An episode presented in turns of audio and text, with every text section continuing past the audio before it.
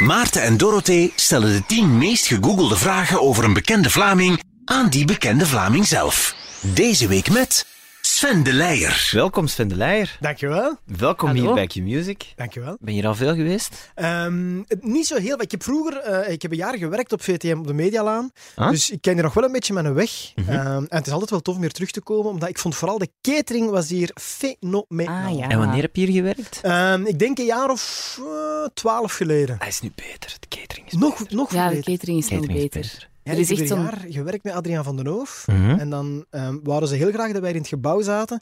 En wij kregen hier zo ergens een, een, eh, een klein lokaaltje eh, tussen de nieuwsdienst en de klachtenlijn. Helemaal beneden. Ja? En eh, die klachtenlijn die was niet altijd bemand. En daar gingen wij dan heel vaak, als we hoorden dat de telefoon overging, gingen wij dan afpakken en deden we dan van de klachtenlijn waren. Ik heb gigantisch veel vragen over de kopmadam beantwoord en dergelijke. Zalig. Ja, dat is wel geamuseerd. Wij kennen hier ook niemand. Dus elke middag voor we gingen eten, deden wij een tour van een andere redactie. En dan gingen we ons voorstellen en net iets te lang mensen van hun werk houden en daar proberen mensen te leren kennen. Was heel plezant. Ehm, we gaan de 10 meest gegoogelde vragen over Sven de Leijer aan Sven de Leijer stellen. We hebben die van Google gekregen. Google jij jezelf wel eens? Eh, ja, dat gebeurt af en toe wel. En waarom dan? Uit ijdelheid of om het product Sven de Leijer te evalueren? Nou, nee, meer uit ijdelheid en vooral ook om het ding dat het heel frappant is dat de dingen die je het liefst eh, hebt dat ze verdwijnen, dat die toch altijd bovenaan... eh, Beschrijf. Beschrijf. ja, nee, er zijn ah, d- d- één filmpje dat gemaakt, daar zijn de vierder of blijer mee met het eindresultaat dan het andere. En het zijn toch altijd net die filmpjes waarvan je zelf dacht van, "Mm, vond ik niet zo tof, die dat dan toch weer hoger eh, of meer bekeken worden. Of de lelijkste foto's. Ik, ik haat fotoshoots. En het zijn altijd de fotoshoots waar ik me echt niet goed bij voelde. Als je dan een afbeelding zoekt, dan staat die bovenaan. Maar ja, dat hoort erbij zeker. Ja, ja, ik snap wat je bedoelt. Je hebt inderdaad van die shoots waarvan je denkt dat was echt een verschrikkelijke shoot. En dan vijf jaar later ziet je die Ja. ineens ergens. eh, En die blijven terugkomen. Ja, ja, ja, dat is waar. Ik heb er juist nog een gezien van mezelf met wat blond haar van boven. Die, die foto die blijft maar circuleren. Ik heb zo een met een plastieke lepeltje in mijn mond. En als je dan toen zet die fotoshoot, dan denkt je, nee, waar, waar- waarom ben ik dat nu aan het doen? En terwijl dat je die foto maakt, weten, die gaan ze gebruiken. En, Oh. dus nu zie ik heel vaak op foto's met een plastieke lepel in mijn mond. Geen idee waarom. Maar boh, ja, dat passeert dan. Fotoshoots zijn soms ook zo raar. Soms eh, dan staat er muziek op en hebben ze kava. Heb je dat al eens meegemaakt? Nee. Dat hebben we ooit eens meegemaakt. Eén keer, maar Eén dat was keer. heel raar. Dan zeiden ze, ja, dan kan je beter relaxen. En dat was echt zo... Oh, ik, ben, ik heb mij nog nooit zo awkward en zo verstijfd gevoeld als bij die. Ja, dat was heel raar. Maar goed. Ik heb Oh. vaak bij fotoshoots de vraag, eh, en doe nu een keer iets grappigs. Oh, Ja. schrikkelijk. Maar grappig zijn op een foto, dan zijn ze altijd een rare mens. Maar dat geldt zelfs niet alleen voor shoots. Dat is ook bijvoorbeeld bij trouwfeesten. Zo een mooie foto met bijvoorbeeld alle vriendinnen van de bruid of zo. En dan is er toch altijd iemand die zegt, en nu een keer een zotte. We gaan en dan, springen. Ja, en die zotte is altijd lelijker, maar ja. En kijk. dat is die die passeert op Facebook. Hè. Exact. Je moet ook nooit een fotograaf eh, geloven die zegt, we kunnen nog altijd zien. Dat is waar. Don't trust them. Klopt. Eh, zullen we aan de 10 meest gegoogelde vragen beginnen? Ja. Ik probeer zoveel mogelijk te babbelen dat die niet komen, maar ik ga er niet onderuit geraken. Nee. Ah, maar eh, zet je benieuwd? Zo. Ja, natuurlijk. Oké. De eerste vraag is, wie is Sven de Leijer? Ehm, Wie zeg je eigenlijk? ja, wie ben ik? ik? Ik ben altijd heel fier als mensen, zo mensen die mij goed kennen, vrienden of familie, zeggen van, je bent op tv knak dezelfde als in het echt. En dat hoop ik heel hard. Ik heb doorheen de jaren ontdekt dat ik niet zoveel kan, maar het enige wat ik een beetje kan, is mezelf zijn. En daar ben ik beter en beter in geworden, denk ik. Ook om, om te kiezen van welke dingen dat ik doe en ook welke dingen dat ik, dat ik wel in de pers zeg en welke dingen niet. Dus ik denk dat wat je op tv van mij ziet, dat dat uiteraard een beetje een uitvergrote versie is, maar dat, wel, dat dat wel is wie dat ik ben. Dus je zult nooit voor hebben dat een regisseur u iets laat doen wat je u niet goed bij voelt, omdat je eigenlijk heel dicht zit bij wat je zelf heel graag wilt doen en hoe Ja. je zelf voelt. Omdat je ziet dat onmiddellijk aan mij als ik niet op mijn gemak ben. En ik voel me er dan ook niet goed bij. Dus in het begin, ja, af en toe durfde niet, omdat vaak ook mensen in je omgeving, zeker op vlak van tv dan, beter eh, zaken beheersen dan ik zelf. En dan probeer je daar wel even in mee te gaan, maar ik werd daar nooit gelukkig van. Gelukkig heb ik dat altijd maar sporadisch een keer voor gehad. Ehm, en ja, doorheen de jaren weet ik wel dat hoe dichter het bij mezelf is, hoe beter dat, het, dat, dat ik er mij bij voel. Hoe wil je graag dat anderen jou zien? Ehm, dat is geen makkelijke vraag. We zijn nog geen vijf minuten bezig. Nee, nee, nee, nee, maar hoe de Daar anderen mij graag zien. Eh, ik hoop als, een, als iemand die oprecht is, die eh, best sympathiek is, die open staat voor heel veel en voor heel veel mensen. Ehm, en die, ja, correct is zo'n saai woord, maar ik denk dat ik wel redelijk correct ben, zowel in mijn vriendschappen als in mijn relaties. Als ja, een eerlijke mens, dat vind ik wel belangrijk. Mm. Oprecht eerlijk. Oké. Eh, daarjuist zei Gaim, die bij ons in team zit, die ons helpt met de voorbereiding voor podcasts. Dit was de moeilijkste ooit. In wat opzicht? In research over Sven de Leijer. Ja, omdat ik ben... Ik doe mijn werk heel graag. Mhm. En toevallig is dat in een soort spotlight dat je staat, maar ik vind dat niet nodig dat de rest van mijn leven ook in die spotlight staat. Omdat ik, wat ik doe van mijn werk is voor een stuk wie dat ik ben, uiteraard. En dat vind ik tof om dingen te doen met mensen of op pad te mogen gaan met een camera. vind ik heel plezant. Ik sta ook ongelooflijk graag voor een publiek. Alleen als ik de vrijdagavond met mijn lief iets ga eten, hoeft daar voor mij geen publiek bij te zijn. Ik ga ook amper naar, naar premières of feestjes, omdat voor mij hoeft dat niet. En ik, en ja. Dus ik ben ook wel, ik bescherm mezelf daar wel in om niet mijn hele leven te grabbel te gooien. En is dat dan lastig soms? Denk je dan... Ik ga ervan uit dat je je daarbij neerlegt, hè, dat dat niet super erg is. Maar denk je soms niet van... Goh, nu zou het toch wel leuk zijn dat ik misschien niet een beetje moet oppassen of, of weet ik veel. Ja, je leert daar beter en beter mee Ja. omgaan. Dat is, dat is, je weet gewoon dat dat in, in ons werk een beetje een, een, een gevolg is, wat ook logisch is. Ik vind ook maar als je, als je een boterham verdient met dingen met de mensen te doen, is dat ook een logisch gevolg en neem ik daar niemand kwalijk. Het is alleen, ik weet soms niet goed hoe ik daarmee moet omgaan. Ja. Bijvoorbeeld als ik op Werchter sta en ik heb zelf een pintje te veel op, ja, dan is dat soms raar dat er in één keer mensen een foto komen maken. En je merkt als je dan bijvoorbeeld op Werchter vier dagen staat, dat je de eerste dag denkt van, hé, hey, maakt niet uit, kom hier een foto, rap en klaar. En dat je de vierde dag denkt, wauw, ik sta hier nu ook maar echt in een vuile shirt en, en drie dagen niet gewassen, dat, dan moet het voor mij niet. Maar ja, dat, dat is gelukkig in Vlaanderen ook niet zo heel, heel erg. Nee, dat is wel waar. Ik vind dat de Vlaming altijd zo heel lief is. Dat is zo... Ja, ik, had, ik was op vakantie naar Centerparks geweest en, eh, en ik kreeg zo echt achteraf dan berichten. Wij waren jullie overbuur. Hoe was het in het zwembad? Ja. Dat vind ik ook freaky, want dan denk ik, oh my god, hoe hebben die mij gezien dan? In die zwembroek, hè. Ja. Maar ik vind dat dan ook wel lief. Ja, maar dat is waar. We hebben in Vlaanderen echt enorm veel geluk. Ja. Dat eigenlijk, ik heb doorheen die jaren komen bijna altijd mensen zeggen hey, dat is wel tof wat je doet. Of nu bijvoorbeeld met het programma Hotel Romantiek. Ja. ja, daarmee zetten ze wel iets in gang, waardoor dat mensen heel graag daar hun zegje komen over doen. En dat is dan wel tof, want ja, Ja. Er zijn heel veel jobs die dat je gewoon uitvoert, waar dan nooit iemand je compliment over geeft. En dat is dan ook weer het voordeel in onze sector, dat mensen het wel heel graag komen vertellen als ze iets goed vonden. Dus het is inderdaad zo in Vlaanderen dat we enorm veel geluk hebben dat de mensen gewoon meestal heel lief zijn. Ja, en zo hele paparazzi-toestanden en zo, dat is ook hier niet. Hè. Allee, Nee. Dat is totaal zo extreem niet of zo. Uit welke dingen haalt je zo het meeste energie?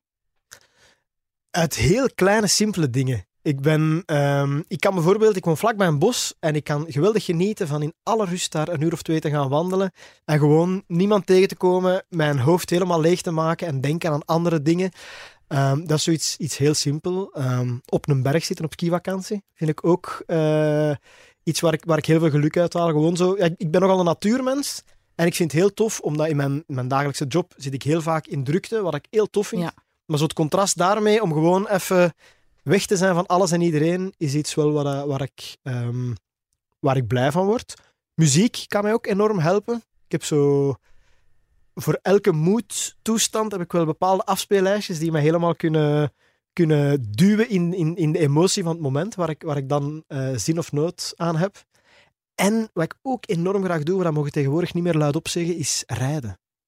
Ik kan echt ongelooflijk ontspannen van een tijd alleen in de auto te zitten. Hm. Ik snap dat. Sven Ja. Nelis heeft mij dat eens gezegd, dat hij toen hij verhuisde naar Brussel, denk ik, en hij naar het werk moest, dat hij, dat echt, dat hij daarvan afzag dat hij niet zo lang in de auto zat. Dat hij, Dat zo- hij korter bij woonde. ja, Ja, dat hij die een tijd zo in de auto zo precies nodig had om zo'n beetje na te denken. Of Ja, dat is een momentje, doen in het programma, of ja, zo, dat momentje zo. Ja, absoluut. Grappig, Ik hè? kan ook genieten van alleen naar een vakantiebestemming te rijden. Ah, We weten van, oké, ik ga nu 800 kilometer rijden en ik plan dat dan helemaal in mijn hoofd. En ik vind dat echt niet erg om, om alleen te rijden. Ik snap dat wel. maar helemaal alleen in de auto. Ja, Oeh, dat vind ik toch... met de juiste muziek, dat is echt een aanrader. Ah ja, en een podcast misschien. Ja, wel, daar, moet, daar ben ik nu mij in aan het verdiepen. Dus, Want ik ben DJ, dus ik zit dan zo soms s'nachts nachts ja, draaien van half twee tot half drie in Ieper. Ja, ik dat- ken het. ik zie daar nu veel minder tegenop dan voordat ik podcasts Ja. luisterde. Omdat je zo echt Ja, een gesprek dat twee uur duurt en voilà, je zit thuis. Ja, ja je wordt wel- er meer in meegezogen Ja. ook. Hè.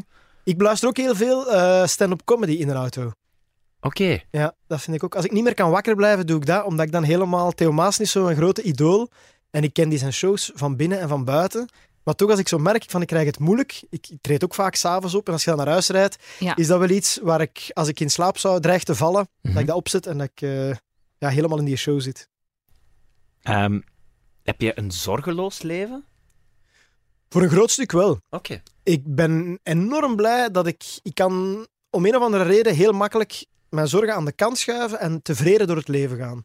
Ik heb nu ook een, doe een theatershow dit jaar die Content heet, omdat ik heel blij ben dat ik het geluk heb om redelijk zorgeloos door het leven te stappen. En ik ben daar niet naïef in. Er zijn uiteraard ook momenten dat ik eh triestig ben of mij dingen aantrek, maar ik slaag er wonder wel in om die vrij snel van mij af te kunnen zetten.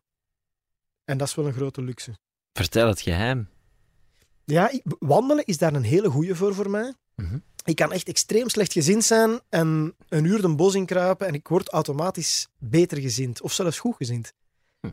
En Dat lijken ze mij zo mini-vakantiekjes of zo. Zo als je bijvoorbeeld een week vakantie hebt gehad Ja, en je komt terug op het werk, of weet ik veel, gewoon in de drukte, dan merk ik bij mezelf altijd dat ik heel makkelijk, veel makkelijker zo kan relativeren. Zo van, die is aan het zagen, whatever, niet mijn probleem. En als ik zo veel meer gestrester ben, dan kan ik zeggen, verdomme, die is aan het zagen, werkt op mijn systeem, en dan kan heel mijn eigen dag... Gaat over mij of de dag. ik wou geen namen noemen, maar ja, als je het zelf zegt. Eh, en zo een uur in het bos lijkt mij dan zo een mini-vakantieke even of zo. ja je, zei, je zei even weg alles Ja. Dat, is, dat is daar het goede aan. En ik kan dat vrij snel. En zonder gsm dan? Ja, ik pak mijn gsm wel mee, want ik maak heel graag foto's in een bos, maar ik zet hem meestal wel op vliegtuigmodus. Oké. Omdat bellen in een bos, dat vind ik echt belachelijk. Eh, en ik vind vooral, ik, ik woon in Tervurenbos, waar ik ook opgegroeid ben. Allee, ik woon niet in het bos, maar er vlak aan. En mijn grootvader was daar parkwachter in dat bos, dus ik ken alle mogelijke hoekjes als ik echt op mijn eigen wil zijn. En als ik bijvoorbeeld, gelijk nu met die theatershow, ehm, als ik die teksten aan het schrijven en aan het leren ben, doe ik dat ook in dat bos. Dus ik ben heel vaak luidop aan het babbelen en aan het wandelen. Dus als je dan mensen tegenkomt, is altijd wel zo'n rare blik dat je krijgt van wat is die hier aan het doen? Maar dan laten ze u wel gerust. de freak die luid meestal babbelt in het ja. bos. Ik zeg ook iedereen goeiedag in het bos. Ah ja. Vind ik heel belangrijk. Ik vind dat we elkaar te weinig begroeten. Maar in het bos is dat ook een, een gebruik of zo precies. Als ik zo zelf eens ga wandelen in het bos, dan merk ik dat. Ineens zegt iedereen, hallo, goeiedag. Ah, bij mij hey. te weinig. Ah ja? Ik ben echt een voorvechter dat we allemaal elkaar gewoon even klein kniksken of goeiedag. Oké. Dat, is, dat is geen moeite. En ik denk altijd, oh, sympathiek. Dat vind ik een groot voordeel aan mijn dorp. Ik kan echt zo conversaties van 30 seconden tot een minuut hebben met mensen die ik eigenlijk echt niet ken. Maar gewoon zo... zo allee, ik- snap je wat ik bedoel? Ja, het is Zo- aardselaar. Ze Ja. kunnen daar nog niet zo goed babbelen, zo. maar... Ja, zo... eh, en, eh, wat moet ik nu zeggen? Ja, wat voor een hond is dat, meneer? Allee, zo dat, hè. Ja, die moeten zeker niks. kammen, hè. Die moeten zeker kammen. Was, Ja. de, was de die met Dash? Ah, ik word Ja. daar gelukkig van, dat soort onzin. Ja. dat is Dat is een beetje ja, terughangen van op café gaan. Of zo? Ja. Lullen over niks. Ja. Ehm, de tweede vraag. Is Sven de Leijer publieksopwarmer? Ja. Hoe is dat voor jou eigenlijk begonnen? Ik ben ooit begonnen, lang geleden. Ik was voor de zoveelste keer gestopt met studeren en ik wist zo niet goed wat ik wou gaan doen. Ik vond mijn keuze niet qua studeren. En ik ben nogal een koppige mens van het moment dat ik doorheb van dit is niks voor mij, wat ik bij studeren elke keer opnieuw had, dan kan ik mij daar niet meer over zetten om dat opnieuw te proberen of, of vol te houden. Dus ik ging dan altijd direct werken. En een van mijn jobjes eh, was in een café bij ons in het dorp. En dat was het stamcafé van Rob van Oudenhoven. En dus dat was heel vaak dat ik achter een toog stond en Rob voor de toog.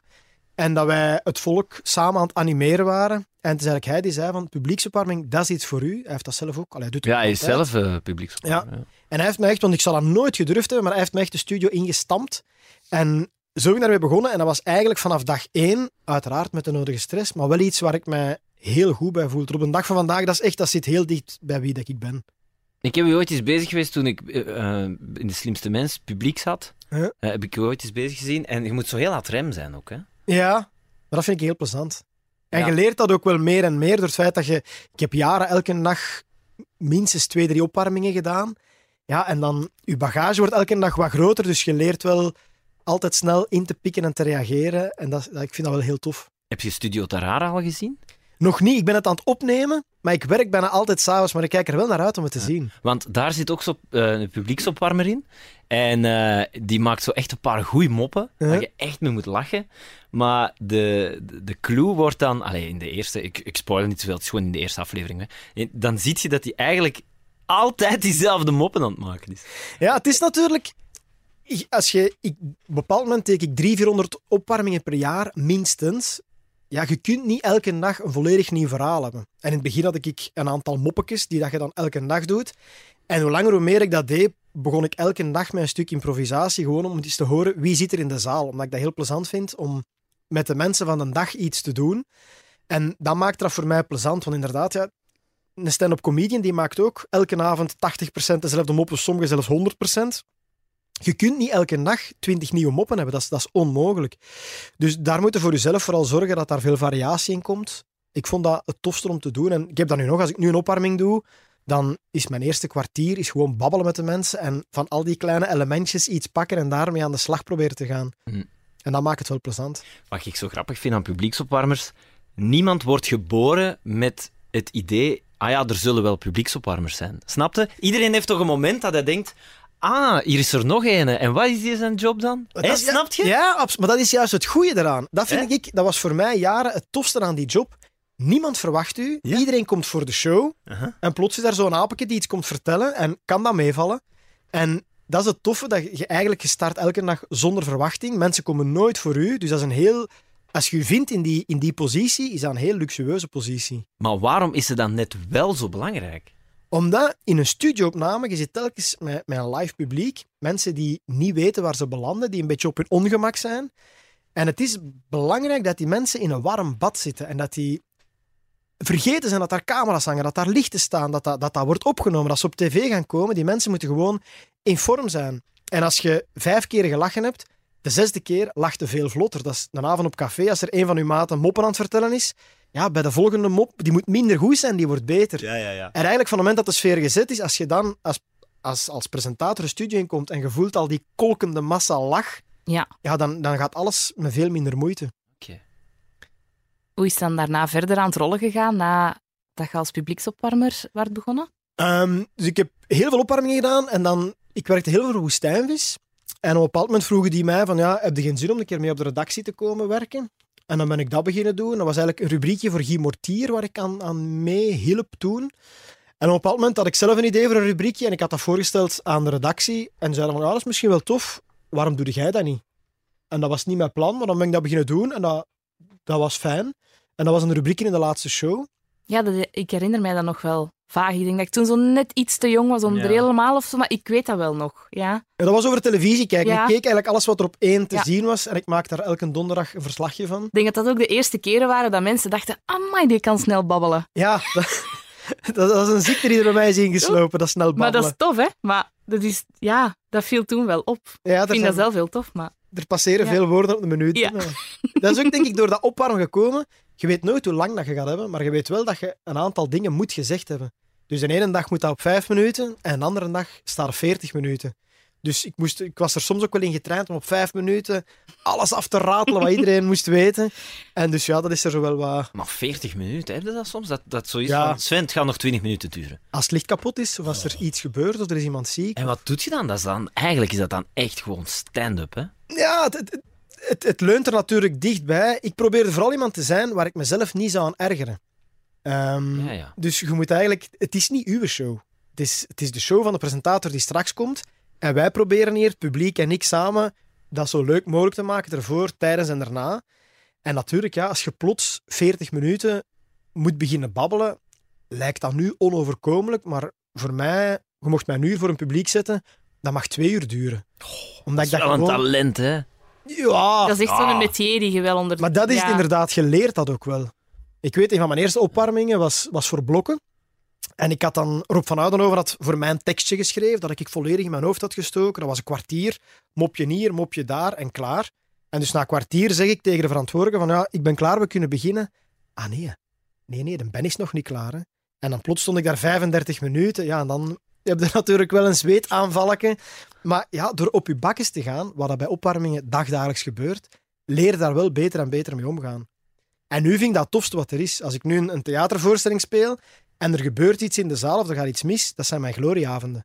Omdat je dan alle mogelijke oplossingen moet zoeken om dat toch terug oké te krijgen. Ja. En dat is plezant. Ja, doet jij nog veel opwarming zelf? Nu te weinig naar mijn zin, omdat ik te weinig tijd heb. Dus ik spring nog geregeld in. Bijvoorbeeld, vorige week heb ik bij de Ideale Wereld nog eens een avond opgewarmd, omdat de vaste niet kon. Dus ik doe dat nog altijd heel graag. Alleen zit mijn andere werk ook op avonden. En ja, je kunt Ja. jammer genoeg niet alles doen.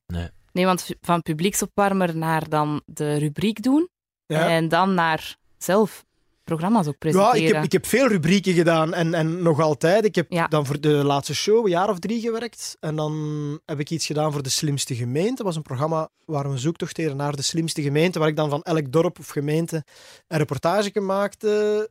Dan via een ideale wereld, waar ik nog altijd in zit. Ja. Ehm, wat heb ik dan nog gedaan? Achter de rug, dat presenteerde ik samen met Elodie. En dan sinds vorig jaar zo'n jaaroverzicht, ehm waar ik nu al twee jaar mag maken, dus dat is ook heel fijn. En dan Hotel Romantiek zit er ook nog tussen. Ja, Dus het blijft zo een allegaartje van allerlei dingen, wat ik wel het aangenaamste vind. Ik word snel dingen beu, dus het is goed om heel veel variatie te hebben. het lijken op mij ook allemaal heel leuke dingen om te doen. Ja, dat, dat is zo. Veel werk ook wel. En ja, maar dat, ik, ja, maar ik denk als je iets graag doet, ja, dan hoort daar bij mij veel werk bij. Ik vind moeite doen heel belangrijk in het leven. Ik heb altijd het gevoel, hoe meer dat je er zelf in steekt, hoe meer dat je er kunt uithalen. En ik ben daar nogal die hard in. Ik, zal, ik wil mezelf nooit kunnen zeggen van, oh man, ik had ietsje beter je best gedaan, was het beter geweest of toffer geweest. Dus ik Ah, ja. steek in alles misschien net iets te veel moeite. Maar ik vind dat ook tof. Zullen we naar de volgende vraag gaan? de derde vraag. Wanneer is Sven de Leijer op tv? Kunnen we even een overzichtje krijgen? ja, ik Ja, ja, juist een mooi ehm, gegeven natuurlijk. op Ja. dit moment, ja, Hotel Romantiek, Ja. ehm, zijn we nu de laatste afleveringen die op televisie komen. Mhm. Ehm, ideale wereld met momenten, dat hangt er een beetje van af. Ik, ik probeer daar nog zo één keer om de drie weken iets te doen. En dan zal het even kalm zijn op televisie. Dus dan eh, zal het voor het najaar terug zijn. Ja, en hier en daar een keer sporadisch, een passage misschien. Maar ik probeer er ook wel echt op te letten om, om dat niet te veel te doen. Ik wou net zeggen, eh, houd je daar rekening mee met die balans? Ja. Ik heb de laatste jaren ook al heel veel geweigerd, omdat ja. ik wil alleen maar doen wat ik daarnet zei, van ik, ik wil zo dicht mogelijk bij mezelf blijven. Dus ik weet gewoon dat er veel programma's niet aan mij besteed zijn. En dat ik dat... Ik ben ook geen presentator. Maar leg eens uit, wat is dan wel en niet aan u besteed? Wat is wel aan mij besteed? Ja, dat klinkt nu onnozel, maar dingen waar ik mezelf kan zijn. Bijvoorbeeld, ehm was een programma dat ik niet zou moeten presenteren. Echt zo'n... Pak nu The Voice. Wat dat ongelooflijk goed gemaakt is en waar dat je goede presentatoren hebt. Alleen ik zou dat niet kunnen. Ja. Omdat dat niet mijn ding is. En dat heeft niks met dat programma te maken, maar dat is gewoon... Ik zie daar voor mij geen rol in. Ja. En als je mij nu zegt blokken, denk ik van... Dat zou ik misschien nog kunnen proberen om daar wel mijn ding van te maken, omdat je daar... Ja, nu is dat echt met een Ben Krabbe-stempel en dat marcheert ongelooflijk goed. En ik denk, ik zou dat, als ik dat dan ooit zou willen doen, weer op mijn manier moeten doen. Ja. Je, hebt, de- je hebt letterlijk de bouwstenen dan, dus de Tetris-blokjes Ja, ja, ja, ja. hè, en de vragen. Maar voor de rest kunnen dat inderdaad invullen zoals Ja. je wilt. Bijvoorbeeld Ideale Wereld, Ja. doe ik super graag mijn rubriek, maar zou niks voor mij zijn om te presenteren. Oké. Ehm, waarom? Omdat in die rubriek kan ik helemaal mezelf zijn. En als presentator van dat programma zou ik dat niet kunnen, omdat De Ideale Wereld is een, een satirisch programma die heel graag een keer een steeks gegeven. Ik, ik vind dat een heel goed programma. Alleen, ik ben daar te lief voor. Ik zou dat niet, ik zou dat niet kunnen presenteren. Maar mijn rubrieken vind ik dan weer heel tof om daarin te doen. Want waarin ziet je dan bijvoorbeeld het verschil met Vrede op Aarde? Dat is nu uiteraard niet satirisch, hè, maar daar zit toch ook al wel eens een steeksje in. Maar dan zijn dat dan lieve Ja, steekjes? maar dat zijn steekjes echt op mijn manier. Ja. Voor die Vrede op Aarde heeft de VRT ook gewoon gezegd: doe die goesting.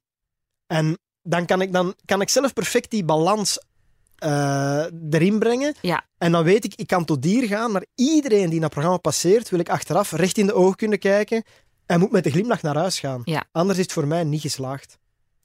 Dan moeten we even Lieve van Geels wel aanhalen. Ja, Ik zou in zijn plaats wel locopist geweest zijn. Want, misschien moeten we even uitleggen, voor de duidelijkheid, ik, ben, ik, heb, ik, ik heb het ook niet helemaal gezien, het programma Ja. en zo, maar ik weet dat daar een stuk in zat.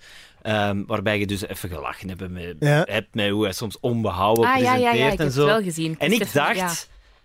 moest een ochtendshow nu zo'n overzicht geven van ons programma, zo van, hè, maar we zitten op dezelfde zender, Mhm. zou ik wel pissig zijn. Was hij dan niet pissig Zo van, want je werkt dan toch allebei voor één. Ja, maar ik denk juist, en, en dat, dat vind ik ook het toffe, dat ik bij mijn, mijn rubriek bij de laatste show vroeger ook, dat we altijd in eigen boezem kijken. De VRT vraagt aan mij om een jaaroverzicht te maken over de VRT. Ah ja. En ik ben de eerste om met mezelf te lachen. En ik weet dat ik niet mooi kan praten. Ik weet dat ik slechte zinnen maak. En iedereen mag met mij lachen. En ja, dat, dat- je kunt dat natuurlijk... Ja, dat is ergens makkelijk van ons gemaakt. Een compilatie van een programma dat bijna live gaat. Waar al een keer iets eh, fout gebeurt. Of, of, of ergens een vergissing gemaakt wordt. Maar ja, dat kunnen ze van mij ook maken. En dat is, allee, dat is met alle liefde en, en respect voor, voor, voor de Lieve van Gils gemaakt. Ik vind dat we daar ook niet meer van moeten maken dan dat dat is. En ik vind Nee, ook vooral... Maar ik haal het aan omdat je zegt, ik wil iedereen recht in de ogen. Ja, maar dus jij zegt, maar ja, kan ik de liefde. Ja, en zo bijvoorbeeld Van Geel zijn gasten mij vorige week gebeld met de vraag om daar als gast te zitten. Dus ik ga ervan uit, mocht ik daar nu echt iemand pijn mee gedaan Ja, ja, hebben. ja. Absoluut. En dat is met humor natuurlijk altijd gebalanceerd, altijd op een lijn. Bijvoorbeeld het programma Hotel Romantiek. Ik vind daar het allerbelangrijkste dat we extreem respectvol met onze, met onze deelnemers omspringen. Mhm. En ik maak heel graag een mop tegen die mensen waar ze bij staan, dat ze mij ook drie keer zo hard kunnen terugpakken. En ik zal er alles voor doen dat die mop van hun dan zeker in het programma zit.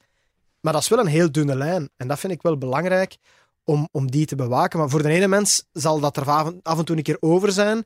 Ja, dat is een beetje ieder op zich. Ik las er onlangs een artikel over, eh, ik denk in de morgen, over eh, respect voor oudere mensen. Ja. En ik heb dat, ben dat nu zo zelf aan het meemaken, want mijn buurman heeft, eh, heeft iets gehad in zijn hersenen. Iets heel kort, klein. Maar enfin, het heeft ervoor gezorgd dat het beter zou zijn dat hij met zijn vrouw, die een beetje dementeerd is ook, naar een rusthuis zou gaan. En ik zie dus nu heel goed de shift van mijn buurman in een bejaardentehuis, die Ja. nu daar zit. Maar die voor hetzelfde, allee, nog altijd even helder is als jij en ik. Dus dat is gewoon ook De Louis, heet hij. En ik merk dat dat een stap is om in een bejaardenhuis te zitten waar zo iemand, een verpleegster, gewoon ineens binnenkomt. Ja. Waarbij dat ik dan denk, maar klopt die eerst? Dat is hier wel mijn living. Zo, snapt je? Ja, Zo, is ook en, en verpleegsters die, ik zeg niet dat ze dat doen, hè, maar in Vlaanderen algemeen zijn er verpleegsters die zeggen, hoe is het met ons Louis of zo. Allee, snap je? Ik denk dat dat een heel moeilijke balans is Ja, ja, ja. in Hotel Romantiek. Ja, dat is zeker. En we- ik denk dat we daar al wel in geslaagd zijn de voorbije seizoenen om die balans goed te houden. Maar er zullen ongetwijfeld ook mensen zijn die zeggen: Oh mannetjes, deze moeten niet doen. Maar ik weet dat onze deelnemers, dat die allemaal achteraf nog altijd blij zijn. Ik zie ze ook nog vaak, we hebben er nog veel contact mee. En dat is altijd heel warm. Top. En dan denk ik van ja, dan is dat wel gelukt. En dat vind ik het belangrijkste aan dat programma. Dat is dat idee is gekomen uit een sociaal isolement, waarin dat je merkt dat mensen vanaf een bepaalde leeftijd, als ze single geworden zijn, terug vaak in een eenzaamheid zitten waar dat ze niet voor kiezen, maar waar dat ze hun weg een beetje kwijt zijn. En bijvoorbeeld, ik, de- over de drie reeksen heen zijn er vriendschappen, zowel mensen van de eerste als die met de derde reeks, en die zien elkaar en die hebben Facebookgroepen. En ik vind dat wel, ik ben daar heel emotioneel over, over dat programma. Ah, ik snap dat. Ja, want ik, ik wil, ik, dat wou ik echt heel graag vragen. Doet dat ook iets met hoe je zelf in het leven staat? Wat die mensen daar vertellen? Want ik heb dat al als ik er naar kijk, dat ik dat al super hard voel, zo met mijn lief en zo. En dat ik denk, oh nee, en stel je voor, en dat er ooit met een van ons iets gebeurt. Gewoon zo dat, heel hard dat besef. Ja. Maar jij gaat echt met die mensen mee op reis. Jij maakt dat programma. Ja, dat, dat is. Ik ben in principe niet zo'n emotionele mens, maar dat is al drie keer dat ik van Hotel Romantiek terugkom en dat ik echt een mentale mot rond mijn oren krijg. Ja. Ik snap dat, ja. Omdat je bent een soort spons die heel de dagen met die mensen constant optrekt. En je hoort verhalen die we uiteraard niet op tv brengen, die, nog, die, die veel heftiger zijn, maar dat je denkt van nee, dat is niet de bedoeling van deze programma. Maar dat zit wel in je hoofd. Maar het allerbelangrijkste, door dat programma heb ik wel minder schrik gekregen om oud te worden. Dit- om- ja, ja, zeg maar. Ik vind dat dubbel, maar ja. Ik vind dat heel hoopvol. Je moet natuurlijk een beetje geluk hebben met je gezondheid en met Ja. de gezondheid van je naasten. Maar het leuke is dat je met ouder te worden, alle leuke dingen zijn er in principe nog. Je kunt nog smoorverliefd worden als een 14-jarige. Je kunt nog liefdesverdriet hebben. Je kunt lachen.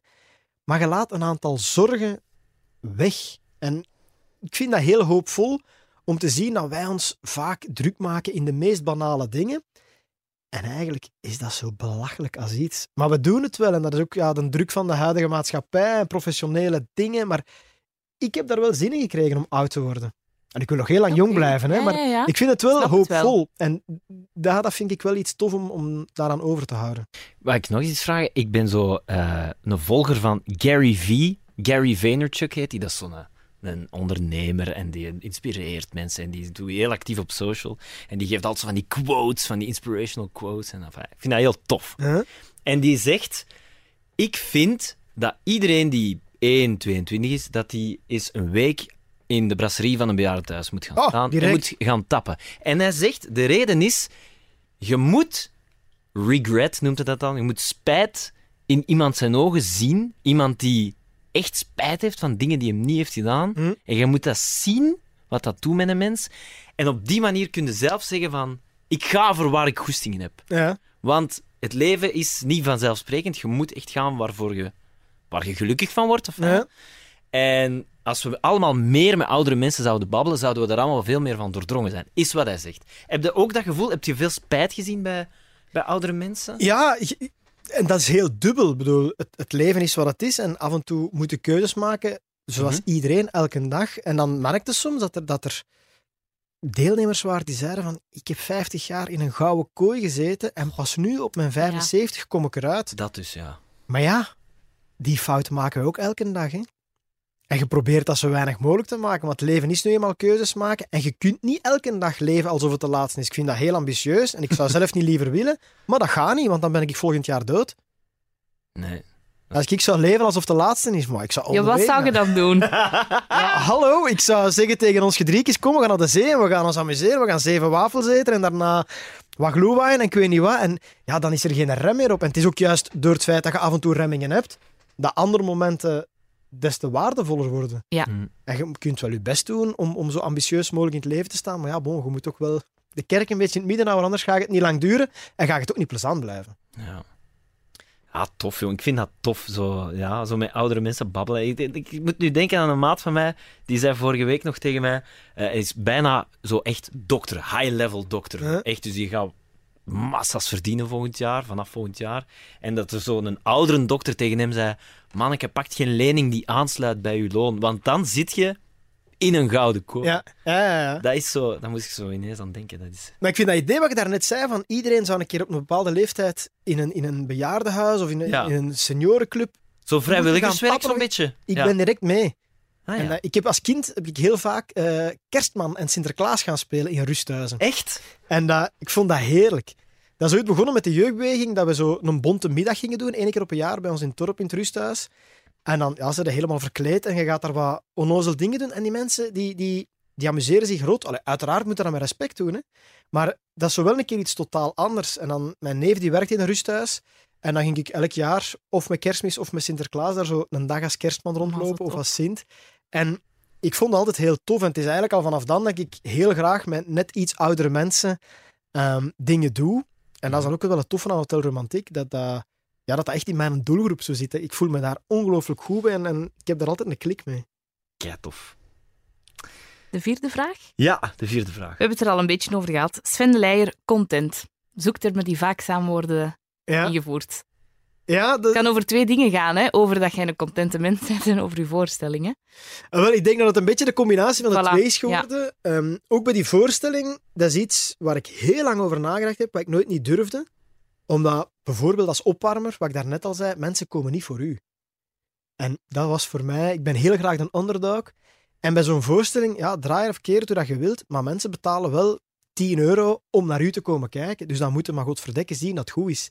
En die klik maken dat mensen speciaal naar mij zouden komen en dat daarvoor zouden betalen, dat vond ik heel angstaanjagend.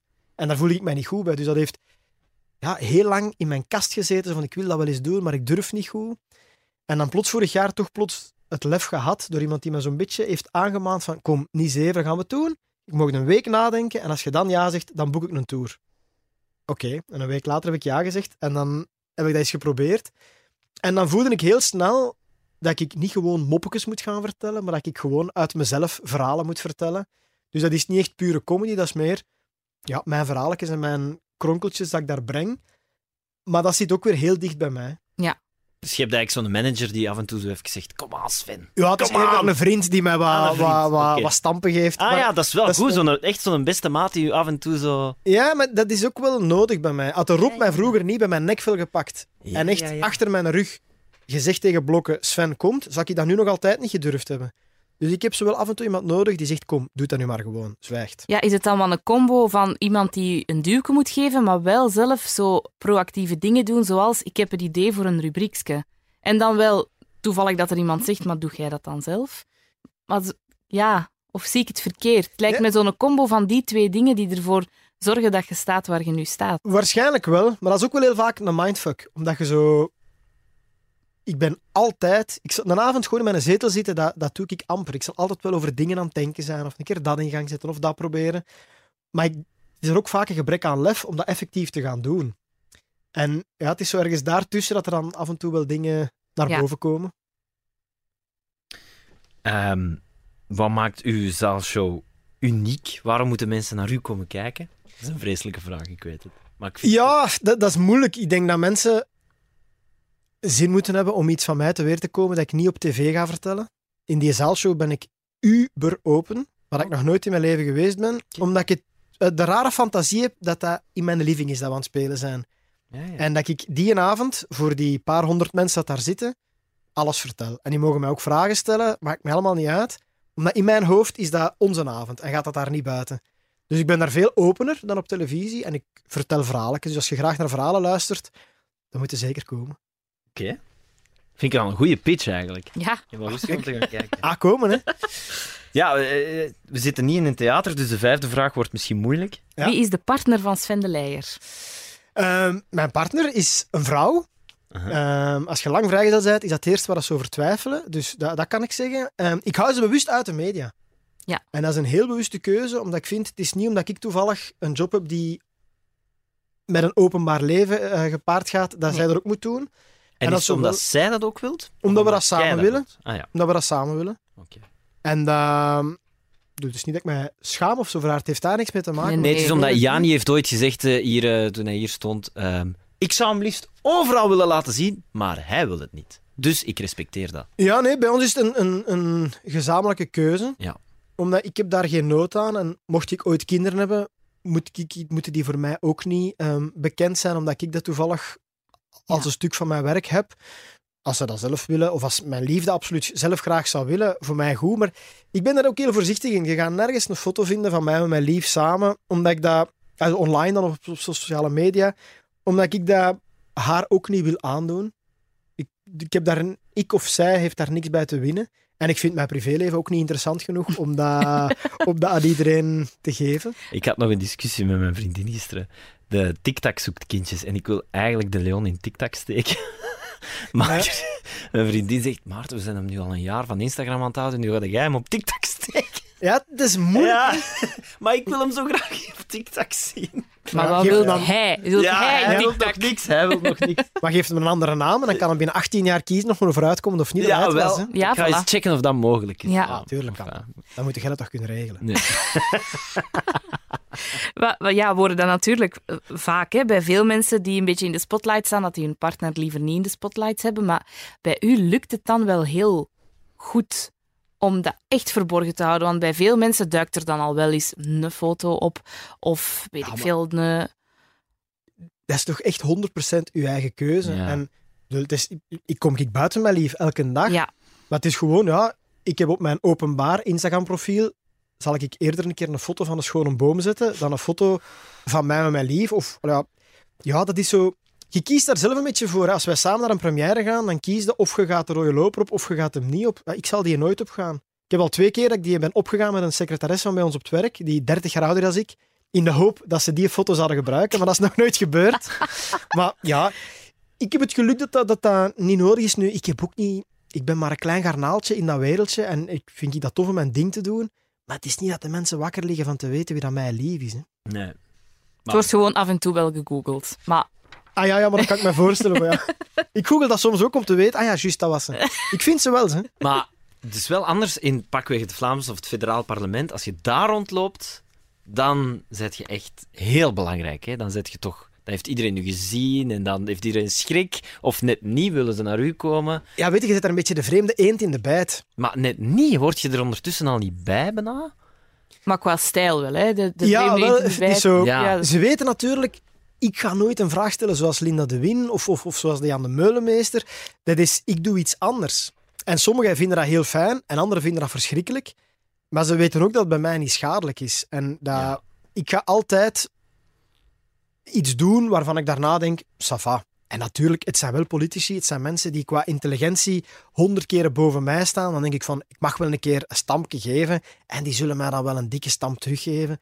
Dus ik voel me daar wel meer op mijn gemak, omdat ik toch denk van, die zijn veel slimmer dan ik, dus laat die maar een beetje zweten. Ja. Maar altijd met respect. En, en dat merk je dan wel doorheen de jaren. In het begin is dat super moeilijk om daar ergens een micro voor te duwen. En doorheen de jaren gaat dat dan wel iets vlotter. Ehm, wat ik mij dan afvraag, heb je zelf ook echt een politieke voorkeur of zo? Of zit je, heb je ondertussen zo een beetje cynisch gevoel van... eh, Cynisch gevoel zeker niet. Ik vind politiek bestuur is, is, is belangrijk en kan, kan heel veel goede zaken doen. Ik vind het wel moeilijk, omdat ik heb de laatste vier jaar, denk ik, ik heb nog nooit zoveel over politiek nagedacht of, of erover mij geïnformeerd en ermee bezig geweest.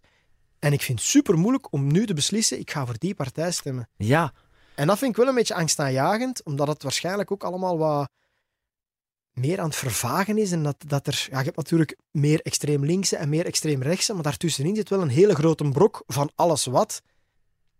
En ik vind het heel moeilijk om nu te zeggen, zelfs, het is niet dat ik het niet wil zeggen, maar het is meer dat ik het echt nog niet weet op wie dat ik in mei ga stemmen.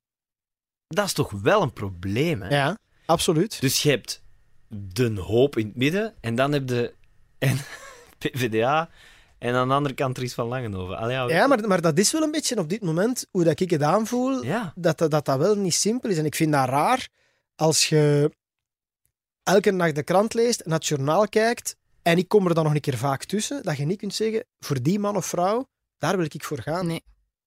En dat is wel jammer. Ja. Maar dat ligt misschien aan mij. Hè. Ik Nee, want ik vind het heel herkenbaar eigenlijk. Ja, Ja, maar ik zit er ook, ben er veel minder mee bezig of zo, maar ik snap het gevoel super hard. Ik vind het echt niet duidelijk van, dit is mijn mening en ah, die vind ik daar terug. Ja. Dat heb ik zo'n, ja, ik vind het moeilijk. in de podcast van Alex Agnew, eh Lecter was daar te gast, die cartoonist, en die zei eigenlijk willen wij dat onze politici de status quo bewaren. Mhm. Dat is eigenlijk in België een van de hoogst haalbare Ja. dingen die je als politicus... Hè, dat, daar kunnen mensen mee overtuigen, snap je? Ja, ja, maar ja, dat, ja. Het maakt het saai Het is, natuurlijk. ja, hè? ja, maar dat is het ook. Hè. En, en ja, welke partij staat nog expliciet voor dat of voor dat? En, Ja, vind- ja, het, is, het is een hele moeilijke. En ik hoop wel dat ik eruit geraak tegen 26 mei. Ja, laat ons hopen ja, dat we er allemaal uit geraken. Zullen we naar de volgende vraag gaan? De zesde vraag. Heeft Sven de Leijer slaapproblemen? Ja en nee. Ik heb er heel heftige gehad en nu zijn ze redelijk onder controle. Ik heb mm, een dik jaar geleden heb ik eh, uit het niks werd ik plots elke nacht rond een uur of vier wakker en klaar, klaar, klaar wakker en niet meer kunnen slapen. Of dat ik nu ja, moe was of niet, dat maakte niet uit. Dat is begonnen op Hotel Romantiek. Ehm waar dat sowieso heel zware opnamedagen zijn, waar dat je elk uurtje slaap kunt gebruiken. En plots was dat daar. En dat heeft ja, heel veel maanden aangesleept. Ik heb echt een maand of drie, denk ik, dat ik gemiddeld met twee, drie uur slaap per nacht de dag door moest. En je wordt zot. Ja, je wordt zot. Dat is echt, je verliest eh, ja, alle, alle standvastigheid rondom u verliesde. En ik voelde mij meer en meer wegzinken. En ik was heel veel dingen aan het doen op dat moment. En ik besefte van, dat, dat gaat hier mis aflopen. En ben dan wel hulp gaan zoeken, omdat er mij duidelijk gezegd wordt van, van dit gaat niet blijven duren. Mhm. Dat je, je kunt een tijd op adrenaline voortgaan, maar op een bepaald moment is dat op. En ik merkte ook als ik in een auto zat dat dat niet meer veilig was. Dan ben ik naar een dokter geweest en, en ben ik zo naar gespecialiseerde mensen wat, wat hulp gaan vragen. En dat is nu vele beter. Ik Want slaap hoe- nog niet elke nacht door, maar pak dat ik nu nog twee nachten per week slecht slaap, terwijl ik er zeven per nacht slecht sliep. Eh, zeven per week liever En is er een duidelijke oorzaak dan? Nee, dat is het angstaanjagende. Hmm. Dat had ik heel graag gehad, want dan kun je zeggen, weet je, te veel van dat of te veel van dat. Ik kon ook inslapen, dat was het raar. Ik kon al mijn ja, zorgen of zo dan afzetten. Ik sliep in als een roosje. En twee, drie uur later werd ik wakker alsof de wereld ging vergaan. En echt niet wakker van, oh, ik ben precies wel wakker. Nee, wakker en hartslag 250 en Wow. pompen. Dus opstaan. En ik, ik begon dan ook gewoon te werken, omdat ik, ik werd zot. Maar ik zou ook beginnen werken, ja. Nachten zijn verschrikkelijk als je niks te doen hebt. Nee, exact. hoe vaak ik zo in mijn living om een uur of vier s morgens dan zit. Nou ja, het is nog drie uur voordat ik iets kan beginnen doen. Dus ik begon maar gewoon te werken. Maar dat, ja, je komt jezelf wel even tegen. En hoe heb je dat dan aangepakt? Of deels Ik heb- opgelost? Ik heb een korte periode medicatie genomen, omdat ik, ik zat te ver in iets wat een soort vicieuze cirkel wordt en ik raakte daar zelf niet meer uit. En daar was me dan ook op het hart geduwd van, je moet nu iets doen of dat loopt fout af. En dat was dan wel zo in, in, in samenspraak met een dokter, die me daarin begeleid heeft een aantal maanden. Ehm, en dan is dat langzaam maar zeker beginnen beteren. Maar ik had dan vooral de schrik, ik was toen 7, 38. Ik dacht, ik voel mezelf nog heel jong en ik hoop zo hard dat ik niet de rest van mijn dagen medicatie nodig heb om te slapen. Mm. En ik ben dan na een maand of vier, vijf dat zeer snel beginnen afbouwen. En dat is eigenlijk vrij goed gelukt. Dus allee, ik ben daar enorm blij over dat dat zo... Ja, dat dat, dat dat relatief goed gekomen is. Dat is ook iets... Ik was net op dat moment de voorstelling aan het maken die Content heet.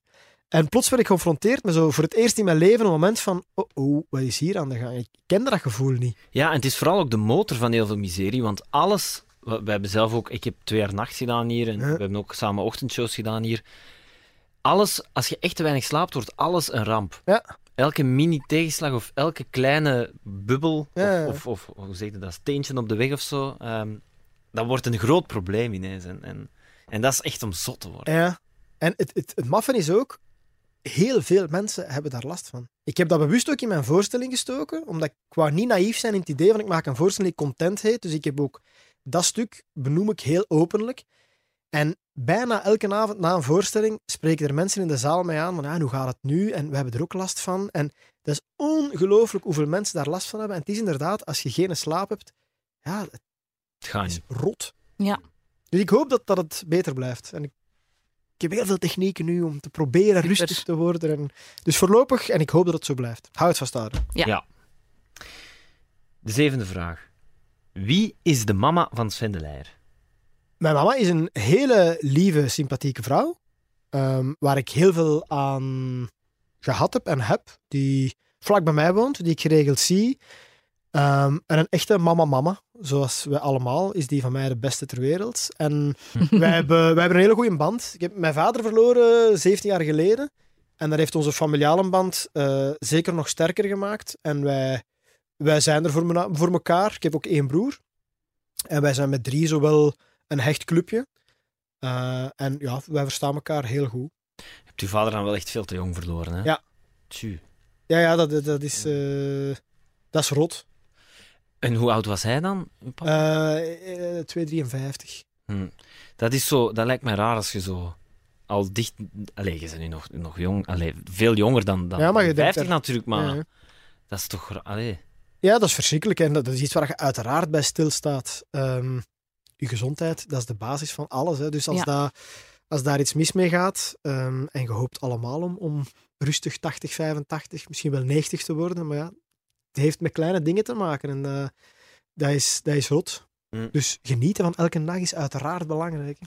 En dat genieten en die jeugd, dat speelde zich dan allemaal af in Tervuren. Ja. Dat zegt je ook op tv en zo. Je speelt dat ook uit met Prins Laurent, heel, Ja. heel het gedoe, de buurman.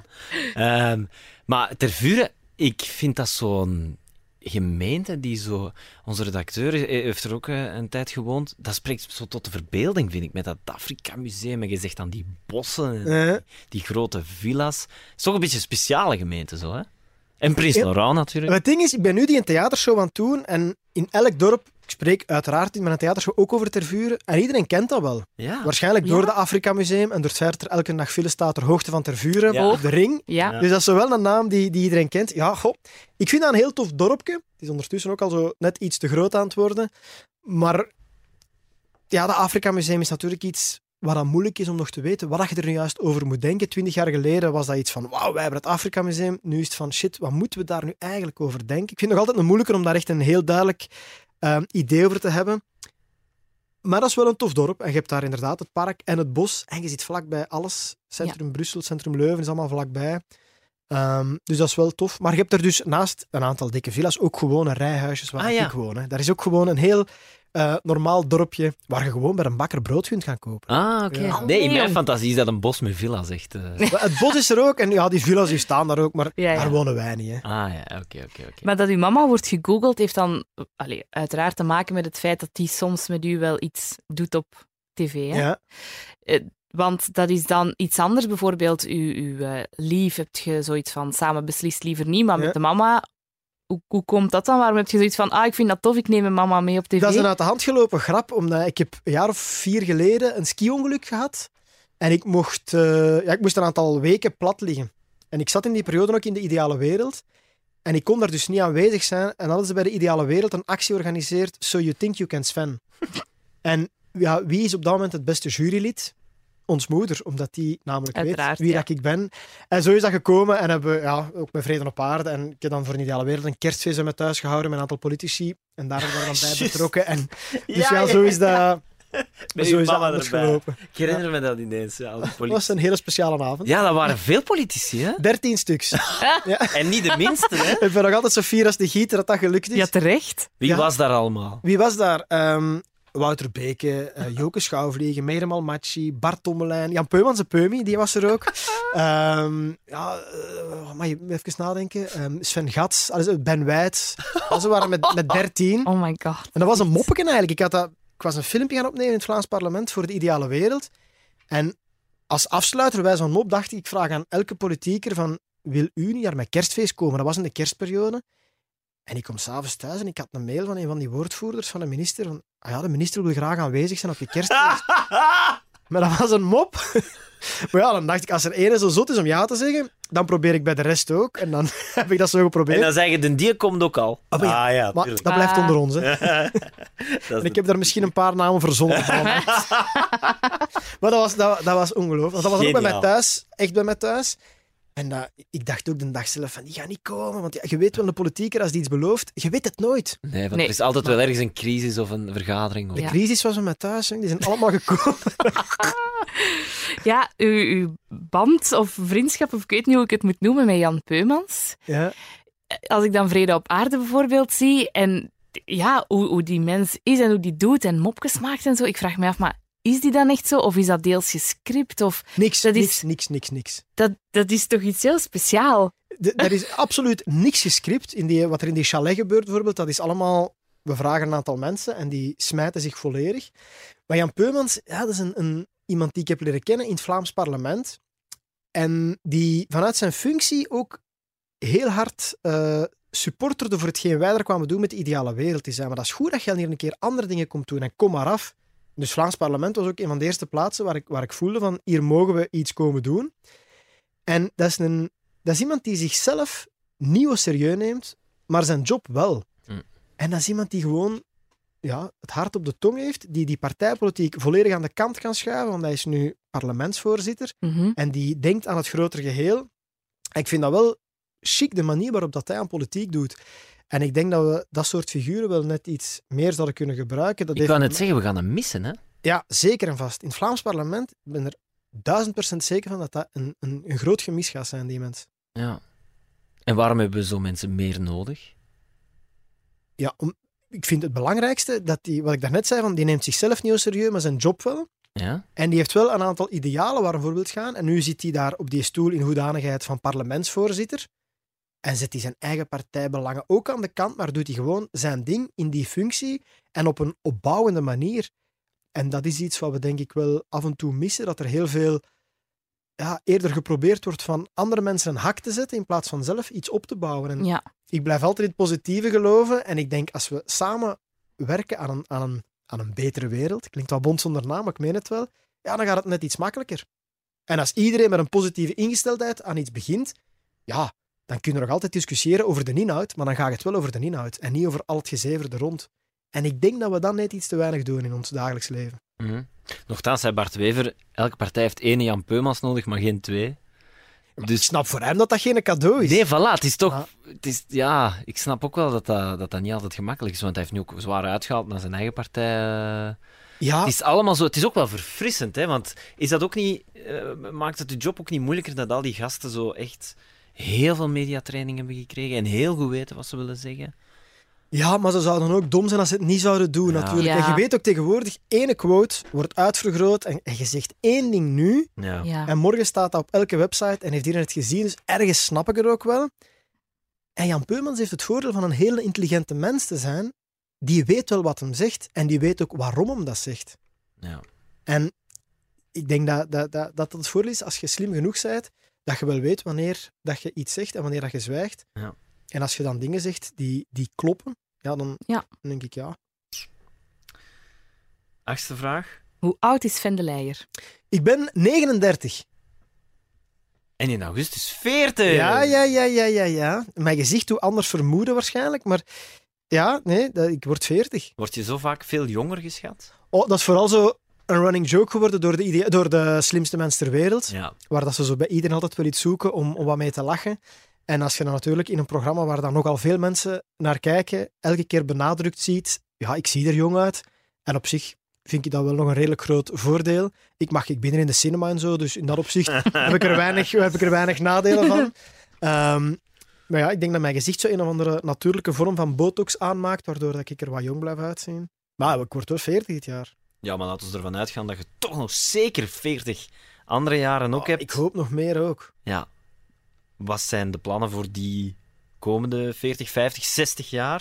Heb je nog veel dromen? ik heb belachelijk kleine dromen. Zo. Ik, ik ben zo... Het is niet dat ik denk van, oh, ik wil een villa in Spanje of zo. Dat, dat, ik wil vooral mijn ding kunnen voortdoen, mijn goesting kunnen blijven doen. En dat- ik weet dat dat heel, dan weer bond zonder naam klinkt, maar ik hoop eigenlijk dat ik heel lang kan blijven doen wat ik nu aan het doen ben. Misschien ietsje minder, maar zo... Ik hoop echt dat ik op mijn 80 jaar, al is het in het rusthuis, wel nog mijn, mijn moppetjes kan gaan vertellen s'avonds. Ik zou dat echt tof vinden. Of mijn discobarken meepakken en daar wat plaatjes draaien elke namiddag. Zo, dat soort dingen. Ik amuseer mij heel goed in mijn leven en ik hoop eigenlijk dat dat blijft duren. En natuurlijk, gezondheid is daar een hele cruciale in. Ja. Maar zo, ja. Gewoon Kleine dingen. Een zorgeloos leven, ja. En ik zou ooit graag een bos hebben. Kleintje, hè, maar zo wat bomen. Dat wil ik ergens nog... eh, dat, dat is dan misschien een van mijn dromen. Zoals de koning, hè? Ja, maar ik woon vlak tegen de koninklijke schenking.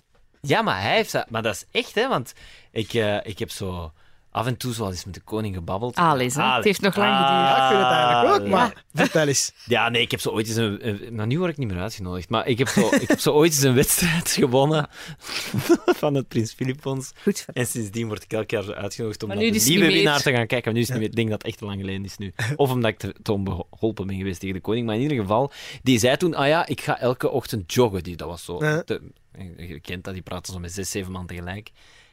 En die, eh, ik- ja, iemand, of ik, ik weet niet meer, zei toen van, ah, en waar dan? In, en die zo, ah ja, ja, in mijn bos, hè.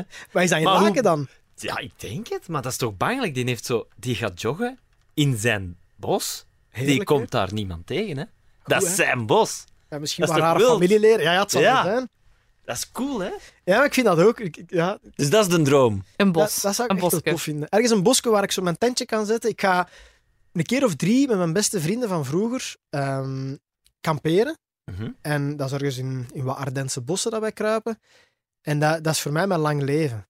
Zo even weg van alles en iedereen. Tentje, vurken, pintje, wandelingsje doen en wat zeveren. Ja. En in mijn fantasieën en die van mijn vrienden hebben wij tussen dit en 30 jaar ergens ons eigen bosje waar dat we dan op ons gemak kunnen gaan zitten. Spectaculaire dromen dat ik heb, hè. Nee, maar ja, het is, is wel inspirerend op een bepaalde manier. Ja, ik vind het ook heel herkenbaar. Ja? Ik heb ook zo niet, in dit, niet per se... Ik wil geen bos of zo, hè, dat niet, maar... ja, Park. ja wel, nee, maar ook zo kleine dingen. Zo... pff, ik wil niet per se groter gaan wonen. Nee. Daar geen zin in. Zo, soms zeggen mensen van, het is toch klein, hè, je appartement. En dan denk ik, ja, ik moet dat niet kuisen. Dus de, allee, dat is Ja. super... Ja, ik vind dat, ik vind dat net heel herkenbaar, dat je zo... Ja, als ze aan mij zeggen van je wint Ja. de lotto, kies maar. Ik weet dat niet. Ik heb, ik heb dat zo niet van, ik wil absoluut dan een boot of zo. Nee. Nee, ik ook niet. Oh, maar die miserie. Maar wel, Ja, dat je dan die algen daar moet gaan afwassen. En dat is met alles. Hè. Dat, hè? Ja, Tof, dat. een villa in Spanje. Allee, je komt toe het gras afrijden. Ik doe dat thuis al niet. Wat zou ik dat in mijn villa in Spanje gaan doen? Dus dat... Nee, dat... of ja, een zwembad. Ja, het lekt in uw living. Allee, weet ik veel. Ja. Hoe jij wil de zwembad op je eerste verdiep? Nee. Dat lekt in je living. Oh ja, ja, ja. Hoe hey, als we gaan zijn? voor luxe, dan wil ik wel op een verdiepen zwembad. Hè? Ja, maar, ja, maar dat Nee, is nee, nee, echt, nee, Ja, dan kom ik bij u wonen. Ja, dat wil ik nog, nog wel. Wijze filosoof. Een binnenzwembad op het eerste verdiep. Ah, Daarvoor gaan we. Ja. Daar gaan we. Ja, maar het is wel waar. P. Diddy eh, zei ooit: More money, more problems. Mhm. En hij had gelijk. Ehm, de negende vraag. Wat heeft Sven de Leijer gestudeerd? Niks eigenlijk. Ja, dus altijd... Ik heb mijn humaniora afgemaakt. Ja. Ehm, En dan, ik had geen idee wat ik wou gaan doen. Want wat heb je in de humaniora gedaan? Ehm, economie, moderne talen. Door Ook een zo- samenloop van omstandigheden. Maar dat is ook zo een richting, als je het niet weet, Voilà. dat Ik zit heb je dat- goed, hè. ja, ik heb Je dat ook gedaan. Ik Ja. ook. Ik was begonnen Ik met. Latijn, maar dat Ik ook. wist ik al vrij snel, dat gaat het hier niet worden. Ah, die, die moeite heb ik zelfs niet gedaan. Ik ben gewoon recht naar economie Ik gegaan. heb dan overgehouden, ego sum Sven. En dat is het enige wat ik nog kan in Latijn. Ehm, maar voor de rest, ja, ik, ik, ik kon zo net erdoor spartelen altijd. Wist ook perfect wat ik moest doen om zo net erdoor te zijn. En meestal lukte dat. En dus ene keer mislukt dat ik wat verkeerd had ingeschat. Maar ik, ik haalde door veel dingen te organiseren op school, zo leerlingenraad en dat soort dingen. Daardoor haalde ik op een deliberatie net van, allee, hij mag overgaan. Zo. Het was altijd zo'n kantje boordje. En dan heb ik, ja, zo in, in, dat was toen met PMS, wat dan nu CLB Ja. heet zeker. Ja. Yep. Dan krijg je zo'n studieadvies en je moet dan zo wat testen doen. En die hadden mij een advies gegeven waar ik dacht van, dat wil ik niet gaan doen, dat is niks voor mij. En dat stopte daar. Ja, maar uw testen hebben uitgewezen dat, dat je dat moet gaan doen. Ja, dat, dat, dat, dat klopte niet. Alleen voor mij, dat ging niet. Weet je nog wat dat was? Goh, dat was, het waren twee studies, maar sowieso universiteit. En ik, ik moet meer iets, iets praktisch gaan doen. En, Maar daar zit je al anders dan velen die dan dat gewoon volgen. Ja, maar omdat ik ook weet, als ik, als ik dat was gaan doen, ik was echt doodongelukkig geweest. Ja. En ik ben dan... Ik wou eigenlijk heel graag evenementen gaan, gaan organiseren. Omdat ik dat al van jongs af aan ook aan doen was. Ik was enerzijds DJ en anderzijds heel actief in jeugdbeweging, jeugdraad en scouts. En ik organiseerde elke maand wel een fuif of ik ging overal draaien. En ik wou zoiets doen. Maar daar bestond toen geen richting voor. Dan moest je eerst drie jaar iets anders gaan doen. En dan kon er als extra jaar. Maar ja, bon, dat was dan veel te veel moeite. En dan ehm, op een bepaald moment moest ik ja, kiezen, hè, want het was dan zo midden september, maar ik had een groot evenement dat ik organiseerde, het laatste weekend van september. Ik dacht, fuck, dat moet hier van de baan zijn voor ik aan die zotte week begin. En dan dacht ik, hey, weet je wat, ik studeer graduaat elektromechanica. Want ik had al wel eens een cd-speler van een DJ opengedraaid. Ik dacht, dat, dat klinkt elektronica, elektriciteit. Ja, ja, dat is iets voor mij. Maar ja, dat was belachelijk, hè, want dat was niks voor mij. Dus als ik daar dan zat, dacht ik zo plots na een uur, maar wat doe ik hier eigenlijk? Oh mijn gast, Echt zo na een uur. maar ja, natuurlijk, want dat ging over allemaal... Ik, ik wist ook eigenlijk niet goed wat dat betekende, graduaat elektromechanica. Ik dacht gewoon, cd-speler, prijs, elektriciteit, ja, dat zou wel iets voor mij zijn. En meer was dat niet. Dus dan ben ik ben nog wel tot de middag gebleven. En dan mijn ouders gebeld van, ik ga nu vertrekken en ik kom hier niet meer terug. Maar dat zijn allemaal wel stappen. Je moet er toch durf voor hebben, ze. Ja, durf? Nee, waarschijnlijk ook net iets te weinig ehm, karakter of te snel bewust. Ik wist gewoon, als ik dat ging doen, dat ik daar doodongelukkig ging worden. Omdat dat, dat paste niet bij mij. Ja, oké. En ik ben dan naar mijn ouders gereden in een winkel hadden, omdat ik dan ook wel wou bewijzen van ik stop hier niet uit luiheid. Dus ik ben direct die middag nog in die winkel beginnen werken. En ik denk van, zolang dat ik niks anders heb, werk ik hier. En dan ben ik zo drie jobjes beginnen doen. En met mijn ouders met een deal van oké, je mocht dit jaar werken. Maar in september gaan we terug naar het. En dan ben ik naar zo'n privé-PMS gegaan. En dan, die hebben mij dan langer begeleid en samen zitten nadenken. En zeiden dan, weet je, doe marketing. Studeer dat, dat is zo wat algemeen. Drie jaar, kort, en dan heb je tenminste een diploma. Ja, oké. En dan begon ik dan in september terug aan, na een jaar te werken. Nooit echt een goed plan. Maar ik ging dat wel kunnen. Ehm, en dan was er... Dat begon eh, met zo'n studiedag, waar dat dan een afgestudeerde marketeer kwam uitleggen van wat dat belangrijk is aan marketing en, en hoe het dan in zijn werk ging en wat we gingen leren in die drie jaar. En tijdens die speech kon ik alleen maar denken... Hiervoor ga ik geen drie jaar naar school gaan, want zonder enige vorm van arrogantie, dat uitleggen kan ik nu beter als jij. Ik heb het niet gezegd, hè, maar dat was, dat was een uitleg tegen mijn ouders. En die heeft gemarcheerd. Oké, oké. Maar dus daar heb ik het anderhalve dag volgehouden. En, maar dat, dat ging niet meer. Ik was dan ook drie, vier jobs door elkaar aan het doen, die allemaal super plezant waren. En dan dacht ik van, ja, dat gaat hier niet. En dan heb ik dan nog wel een aantal maanden in avondonderwijs gaan doen.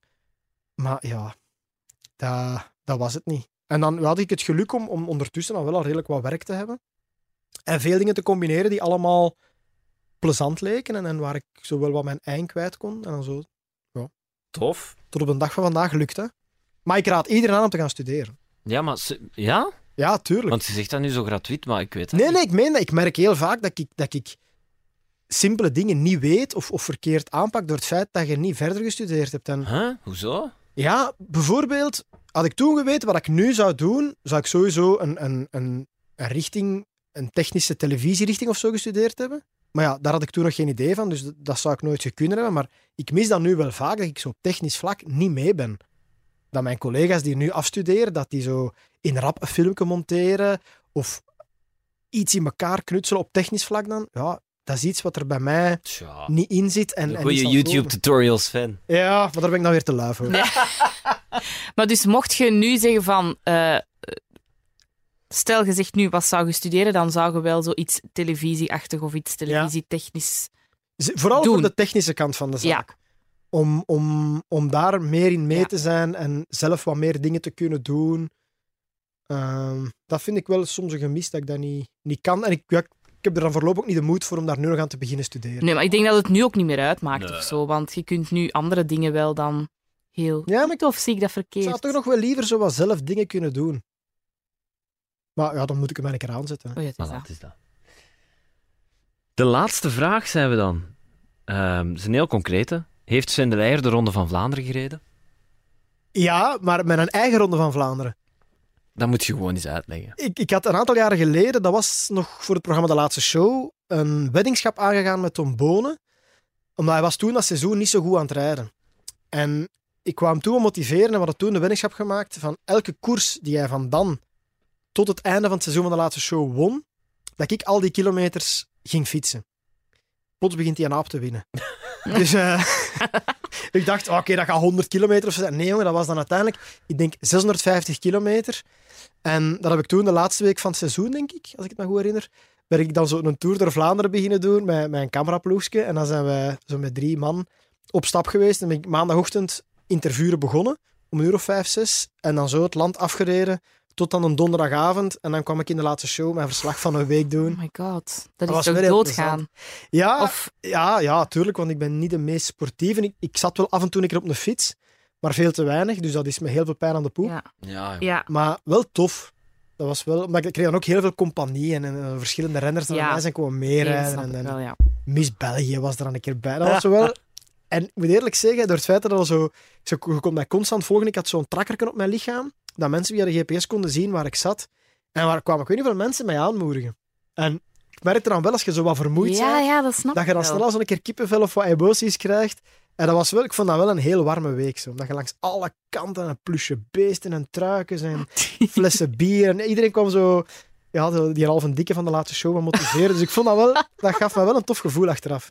Het is zo achteraf dat je dan ook terugkijkt en denkt, maar wat voor rare dingen heb ik toch al gedaan. Hè? Ja, maar dat is ook tof, hè? Maar op het moment zelf besefte dat toch meestal niet, hè? Dan zit je gewoon aan het denken... Ik besef ja, dat toch? vaak op het moment zelf van, Oké. wat sta ik hier nu in godsnaam te doen? Ik Vorige week moest ik iets voor de ideale wereld doen. En ze bellen me, ja, kun jij de woensdagmiddag tussen 1 en 2? Ik zo, ja, laat maar weten. En een paar uur ervoor krijg ik, jij weet toch dat jij in Oostende moet zijn? ik zeg, nee, dat weet ik niet. En plots staat het twee uur later, sta ik tot aan mijn borst in het water op een regenachtige winterdag. En denk ik, maar wat, wat zin ik nu eigenlijk? Maar ja, dat is dan wel weer plezant. Hè. Dat, dat vind ik op het moment zelf dat je, dat je dat wel vaak denkt, of gelijk met Auto Romantiek ook, dat je ergens in het midden van een woestijn met een hoop 80-jarige iets aan het doen zijn. Maar dat, ik vind dat dan wel plezant, want die kansen zouden anders nooit krijgen. Dat is het toffe aan, aan, aan het werk, dat je zowel dingen doet die dat je anders nooit zou, zou Nee, dat is kunnen waar. doen. Absoluut. We zijn er door, door Ja? de tien vragen. En ben ik erdoor? Hakken over de sloot. Ah, eh, dat is mijn- dat is mijn leven. Voilà, het is dat. Snure deliberatie. Nee. Kan ik nog iets verdedigen? Maar ik vond het eh, super tof om zo eens een Ja? uur met u te babbelen. Ah, insgelijks. Ik hoop Ja. dat ik jullie niet teleurgesteld heb. Nee, ik wou, hoop dat wij u niet teleurgesteld Nee, hoor, hebben. Zijn nee, er nee. dingen waarvan je denkt, god, dat zou ik eigenlijk nog wel verteld willen hebben, verdorie. Nu ik hier mijn moment heb. Nee, want dat is gevaarlijk. Hè? Want nu ga ik veel te eerlijk zijn, want ik ben nu helemaal op mijn gemak, dus nu zou ik te veel... Nee, nee, ik, ik heb eigenlijk niet veel verzwegen, denk ik. Hè? Ik heb toch op alles Ik heb niet dat gevoel ongeveer gehad. geantwoord. Ja, ik heb zeker niet. Heb jij nog vragen voor ons? Nee, ja, want dat zou, niet, dat zou niet eerlijk zijn dat ik nu zo wat smerige, intieme vragen aan jullie begin te stellen, terwijl dat jullie eigenlijk gewoon eerlijk de tien meest gegoogelde vragen gesteld hebben. Allee, je mocht iets vragen, kies maar iets. Hoe is het met jullie? Oh my, dat is braaf eigenlijk. Goed? Ja, maar er kan ook veel achter Ah, ja, ja, dat is waar. Nee, want hoe is het echt met jullie? Ja. Heel slecht. Nee, maar Nee, zeg nee, het maar nee. door het zeg het. Het is, het is goed met mij. Ja? Ik heb eigenlijk geen dingen om van wakker te liggen. Geen klachten. Ik ben gelukkig. We moeten meer hebben. Ja? Ja. Ik zit ook in een goede vibe. Ja. Ja, En heb het gevoel. weinig nachtrust waarschijnlijk. ah wel, en dat is dus nu beter. Ah. Omdat dus het het kindje is vier maanden. Oké. Het kindje. Ja. Ella, Ella. Kind 2. Je Kind, Ja, kind B. serienummer. eh, Nee, maar ze is nu vier maanden en ze slaapt goed. En eh juist s'avonds zo nog wat krampen, maar we fixen dat wel. En, eh, en, en, en op het werk gaat het eigenlijk ook goed. En, eh, Ja, een verbouwing hier. de verbouwing, ja, maar ik denk, ik denk echt serieus dat dat hier ook goed gaat zijn voor de vibe. Zo, een nieuwe redactie, nieuwe studio's. Ik denk echt dat dat Het gaat mentaal... lijken alsof de ergens anders gaan werken. Ik denk dat dat voor de groep Ja. dat dat deugd gaat doen. Dat denk ik. Als ze er is, maar de periode van de verbouwing, want als je nu nog één ding over mij wilt weten, als er iets is waar Ja. ik ooit van mijn leven dreigende depressie van te krijgen, is het bouwen en verbouwen. Oh, ik wil dat nooit doen. Bedoelt je gewoon- dan... Sorry, Do. Ik wil onderbreken. Nee, ik wou zeggen, ik, ik heb gewoon al beslist dat ik dat niet ga doen. Ja, maar ja, ik, ik, ik, Of zit jij in een situatie waarin je niet anders bij kunt? mij is het achter de rug. Ah ja, maar je hebt Maar het wel Je gedaan. blijft heb er wonen dan. Ja, dus nu is het, nu is het klaar. Hè? Ja. Maar de periode zelf, dat vind ik verschrikkelijk. Als je daar niks van kent, dan rollen en naaien ze u langs alle kanten en Ah, iedereen ja. maakt u iets anders wijs. Ja. Ja, maar veel mensen kennen dat, maar ik vind dat echt verschrikkelijk. Je moet echt zo iemand hebben die je graag hebt, die u graag heeft en die er veel van kent. Ja. Want anders... Maar heb jij zo iemand? Ja, ik heb zo één aannemer, dat is zo echt een goede gast. Die heeft ook zo geen personeel, maar die komt zo af en toe zo dingen doen bij mij thuis. Zo'n inbouwkast of zo. En dat is zo een, een goede mens. Zo. Ah, Geef die zijn gegevens door. Ja, maar die heeft zoveel te doen. Ja, maar dat is het probleem. Goede mensen hebben te veel werk. Exact, ja. Dus dat is, dat, is, dat is wel fijn. Maar ik snap, ik heb nu, ze zijn nu bij mijn, bij mijn tuin bezig. En ik heb zo'n trap naar beneden in mijn belletage. En die trap is nu weg. En een hond krabt er altijd aan om naar het wc te gaan. En dat gaat dan niet. En ik word, ja, Ah ja, voilà. tuin Je is dat modder. zelf. En komen ze nu vandaag of niet? eh? Tuurlijk komen ze dat- niet. ja, voilà. Nooit alles in één keer betalen. Nee, nee. Nee, nee, altijd geld achterhouden. Ja, ik, ben, ik doe dat dan wel en dan zijn ze gejost. Dat is de gejost, ja. Goed, Sven de Leijer, super merci. Het was Heel veel plezier. Dank u wel. En eh, heel veel succes met alles. Jullie ook, dank u Alles. wel. Salut. hè. En we bellen nog. Is heel graag.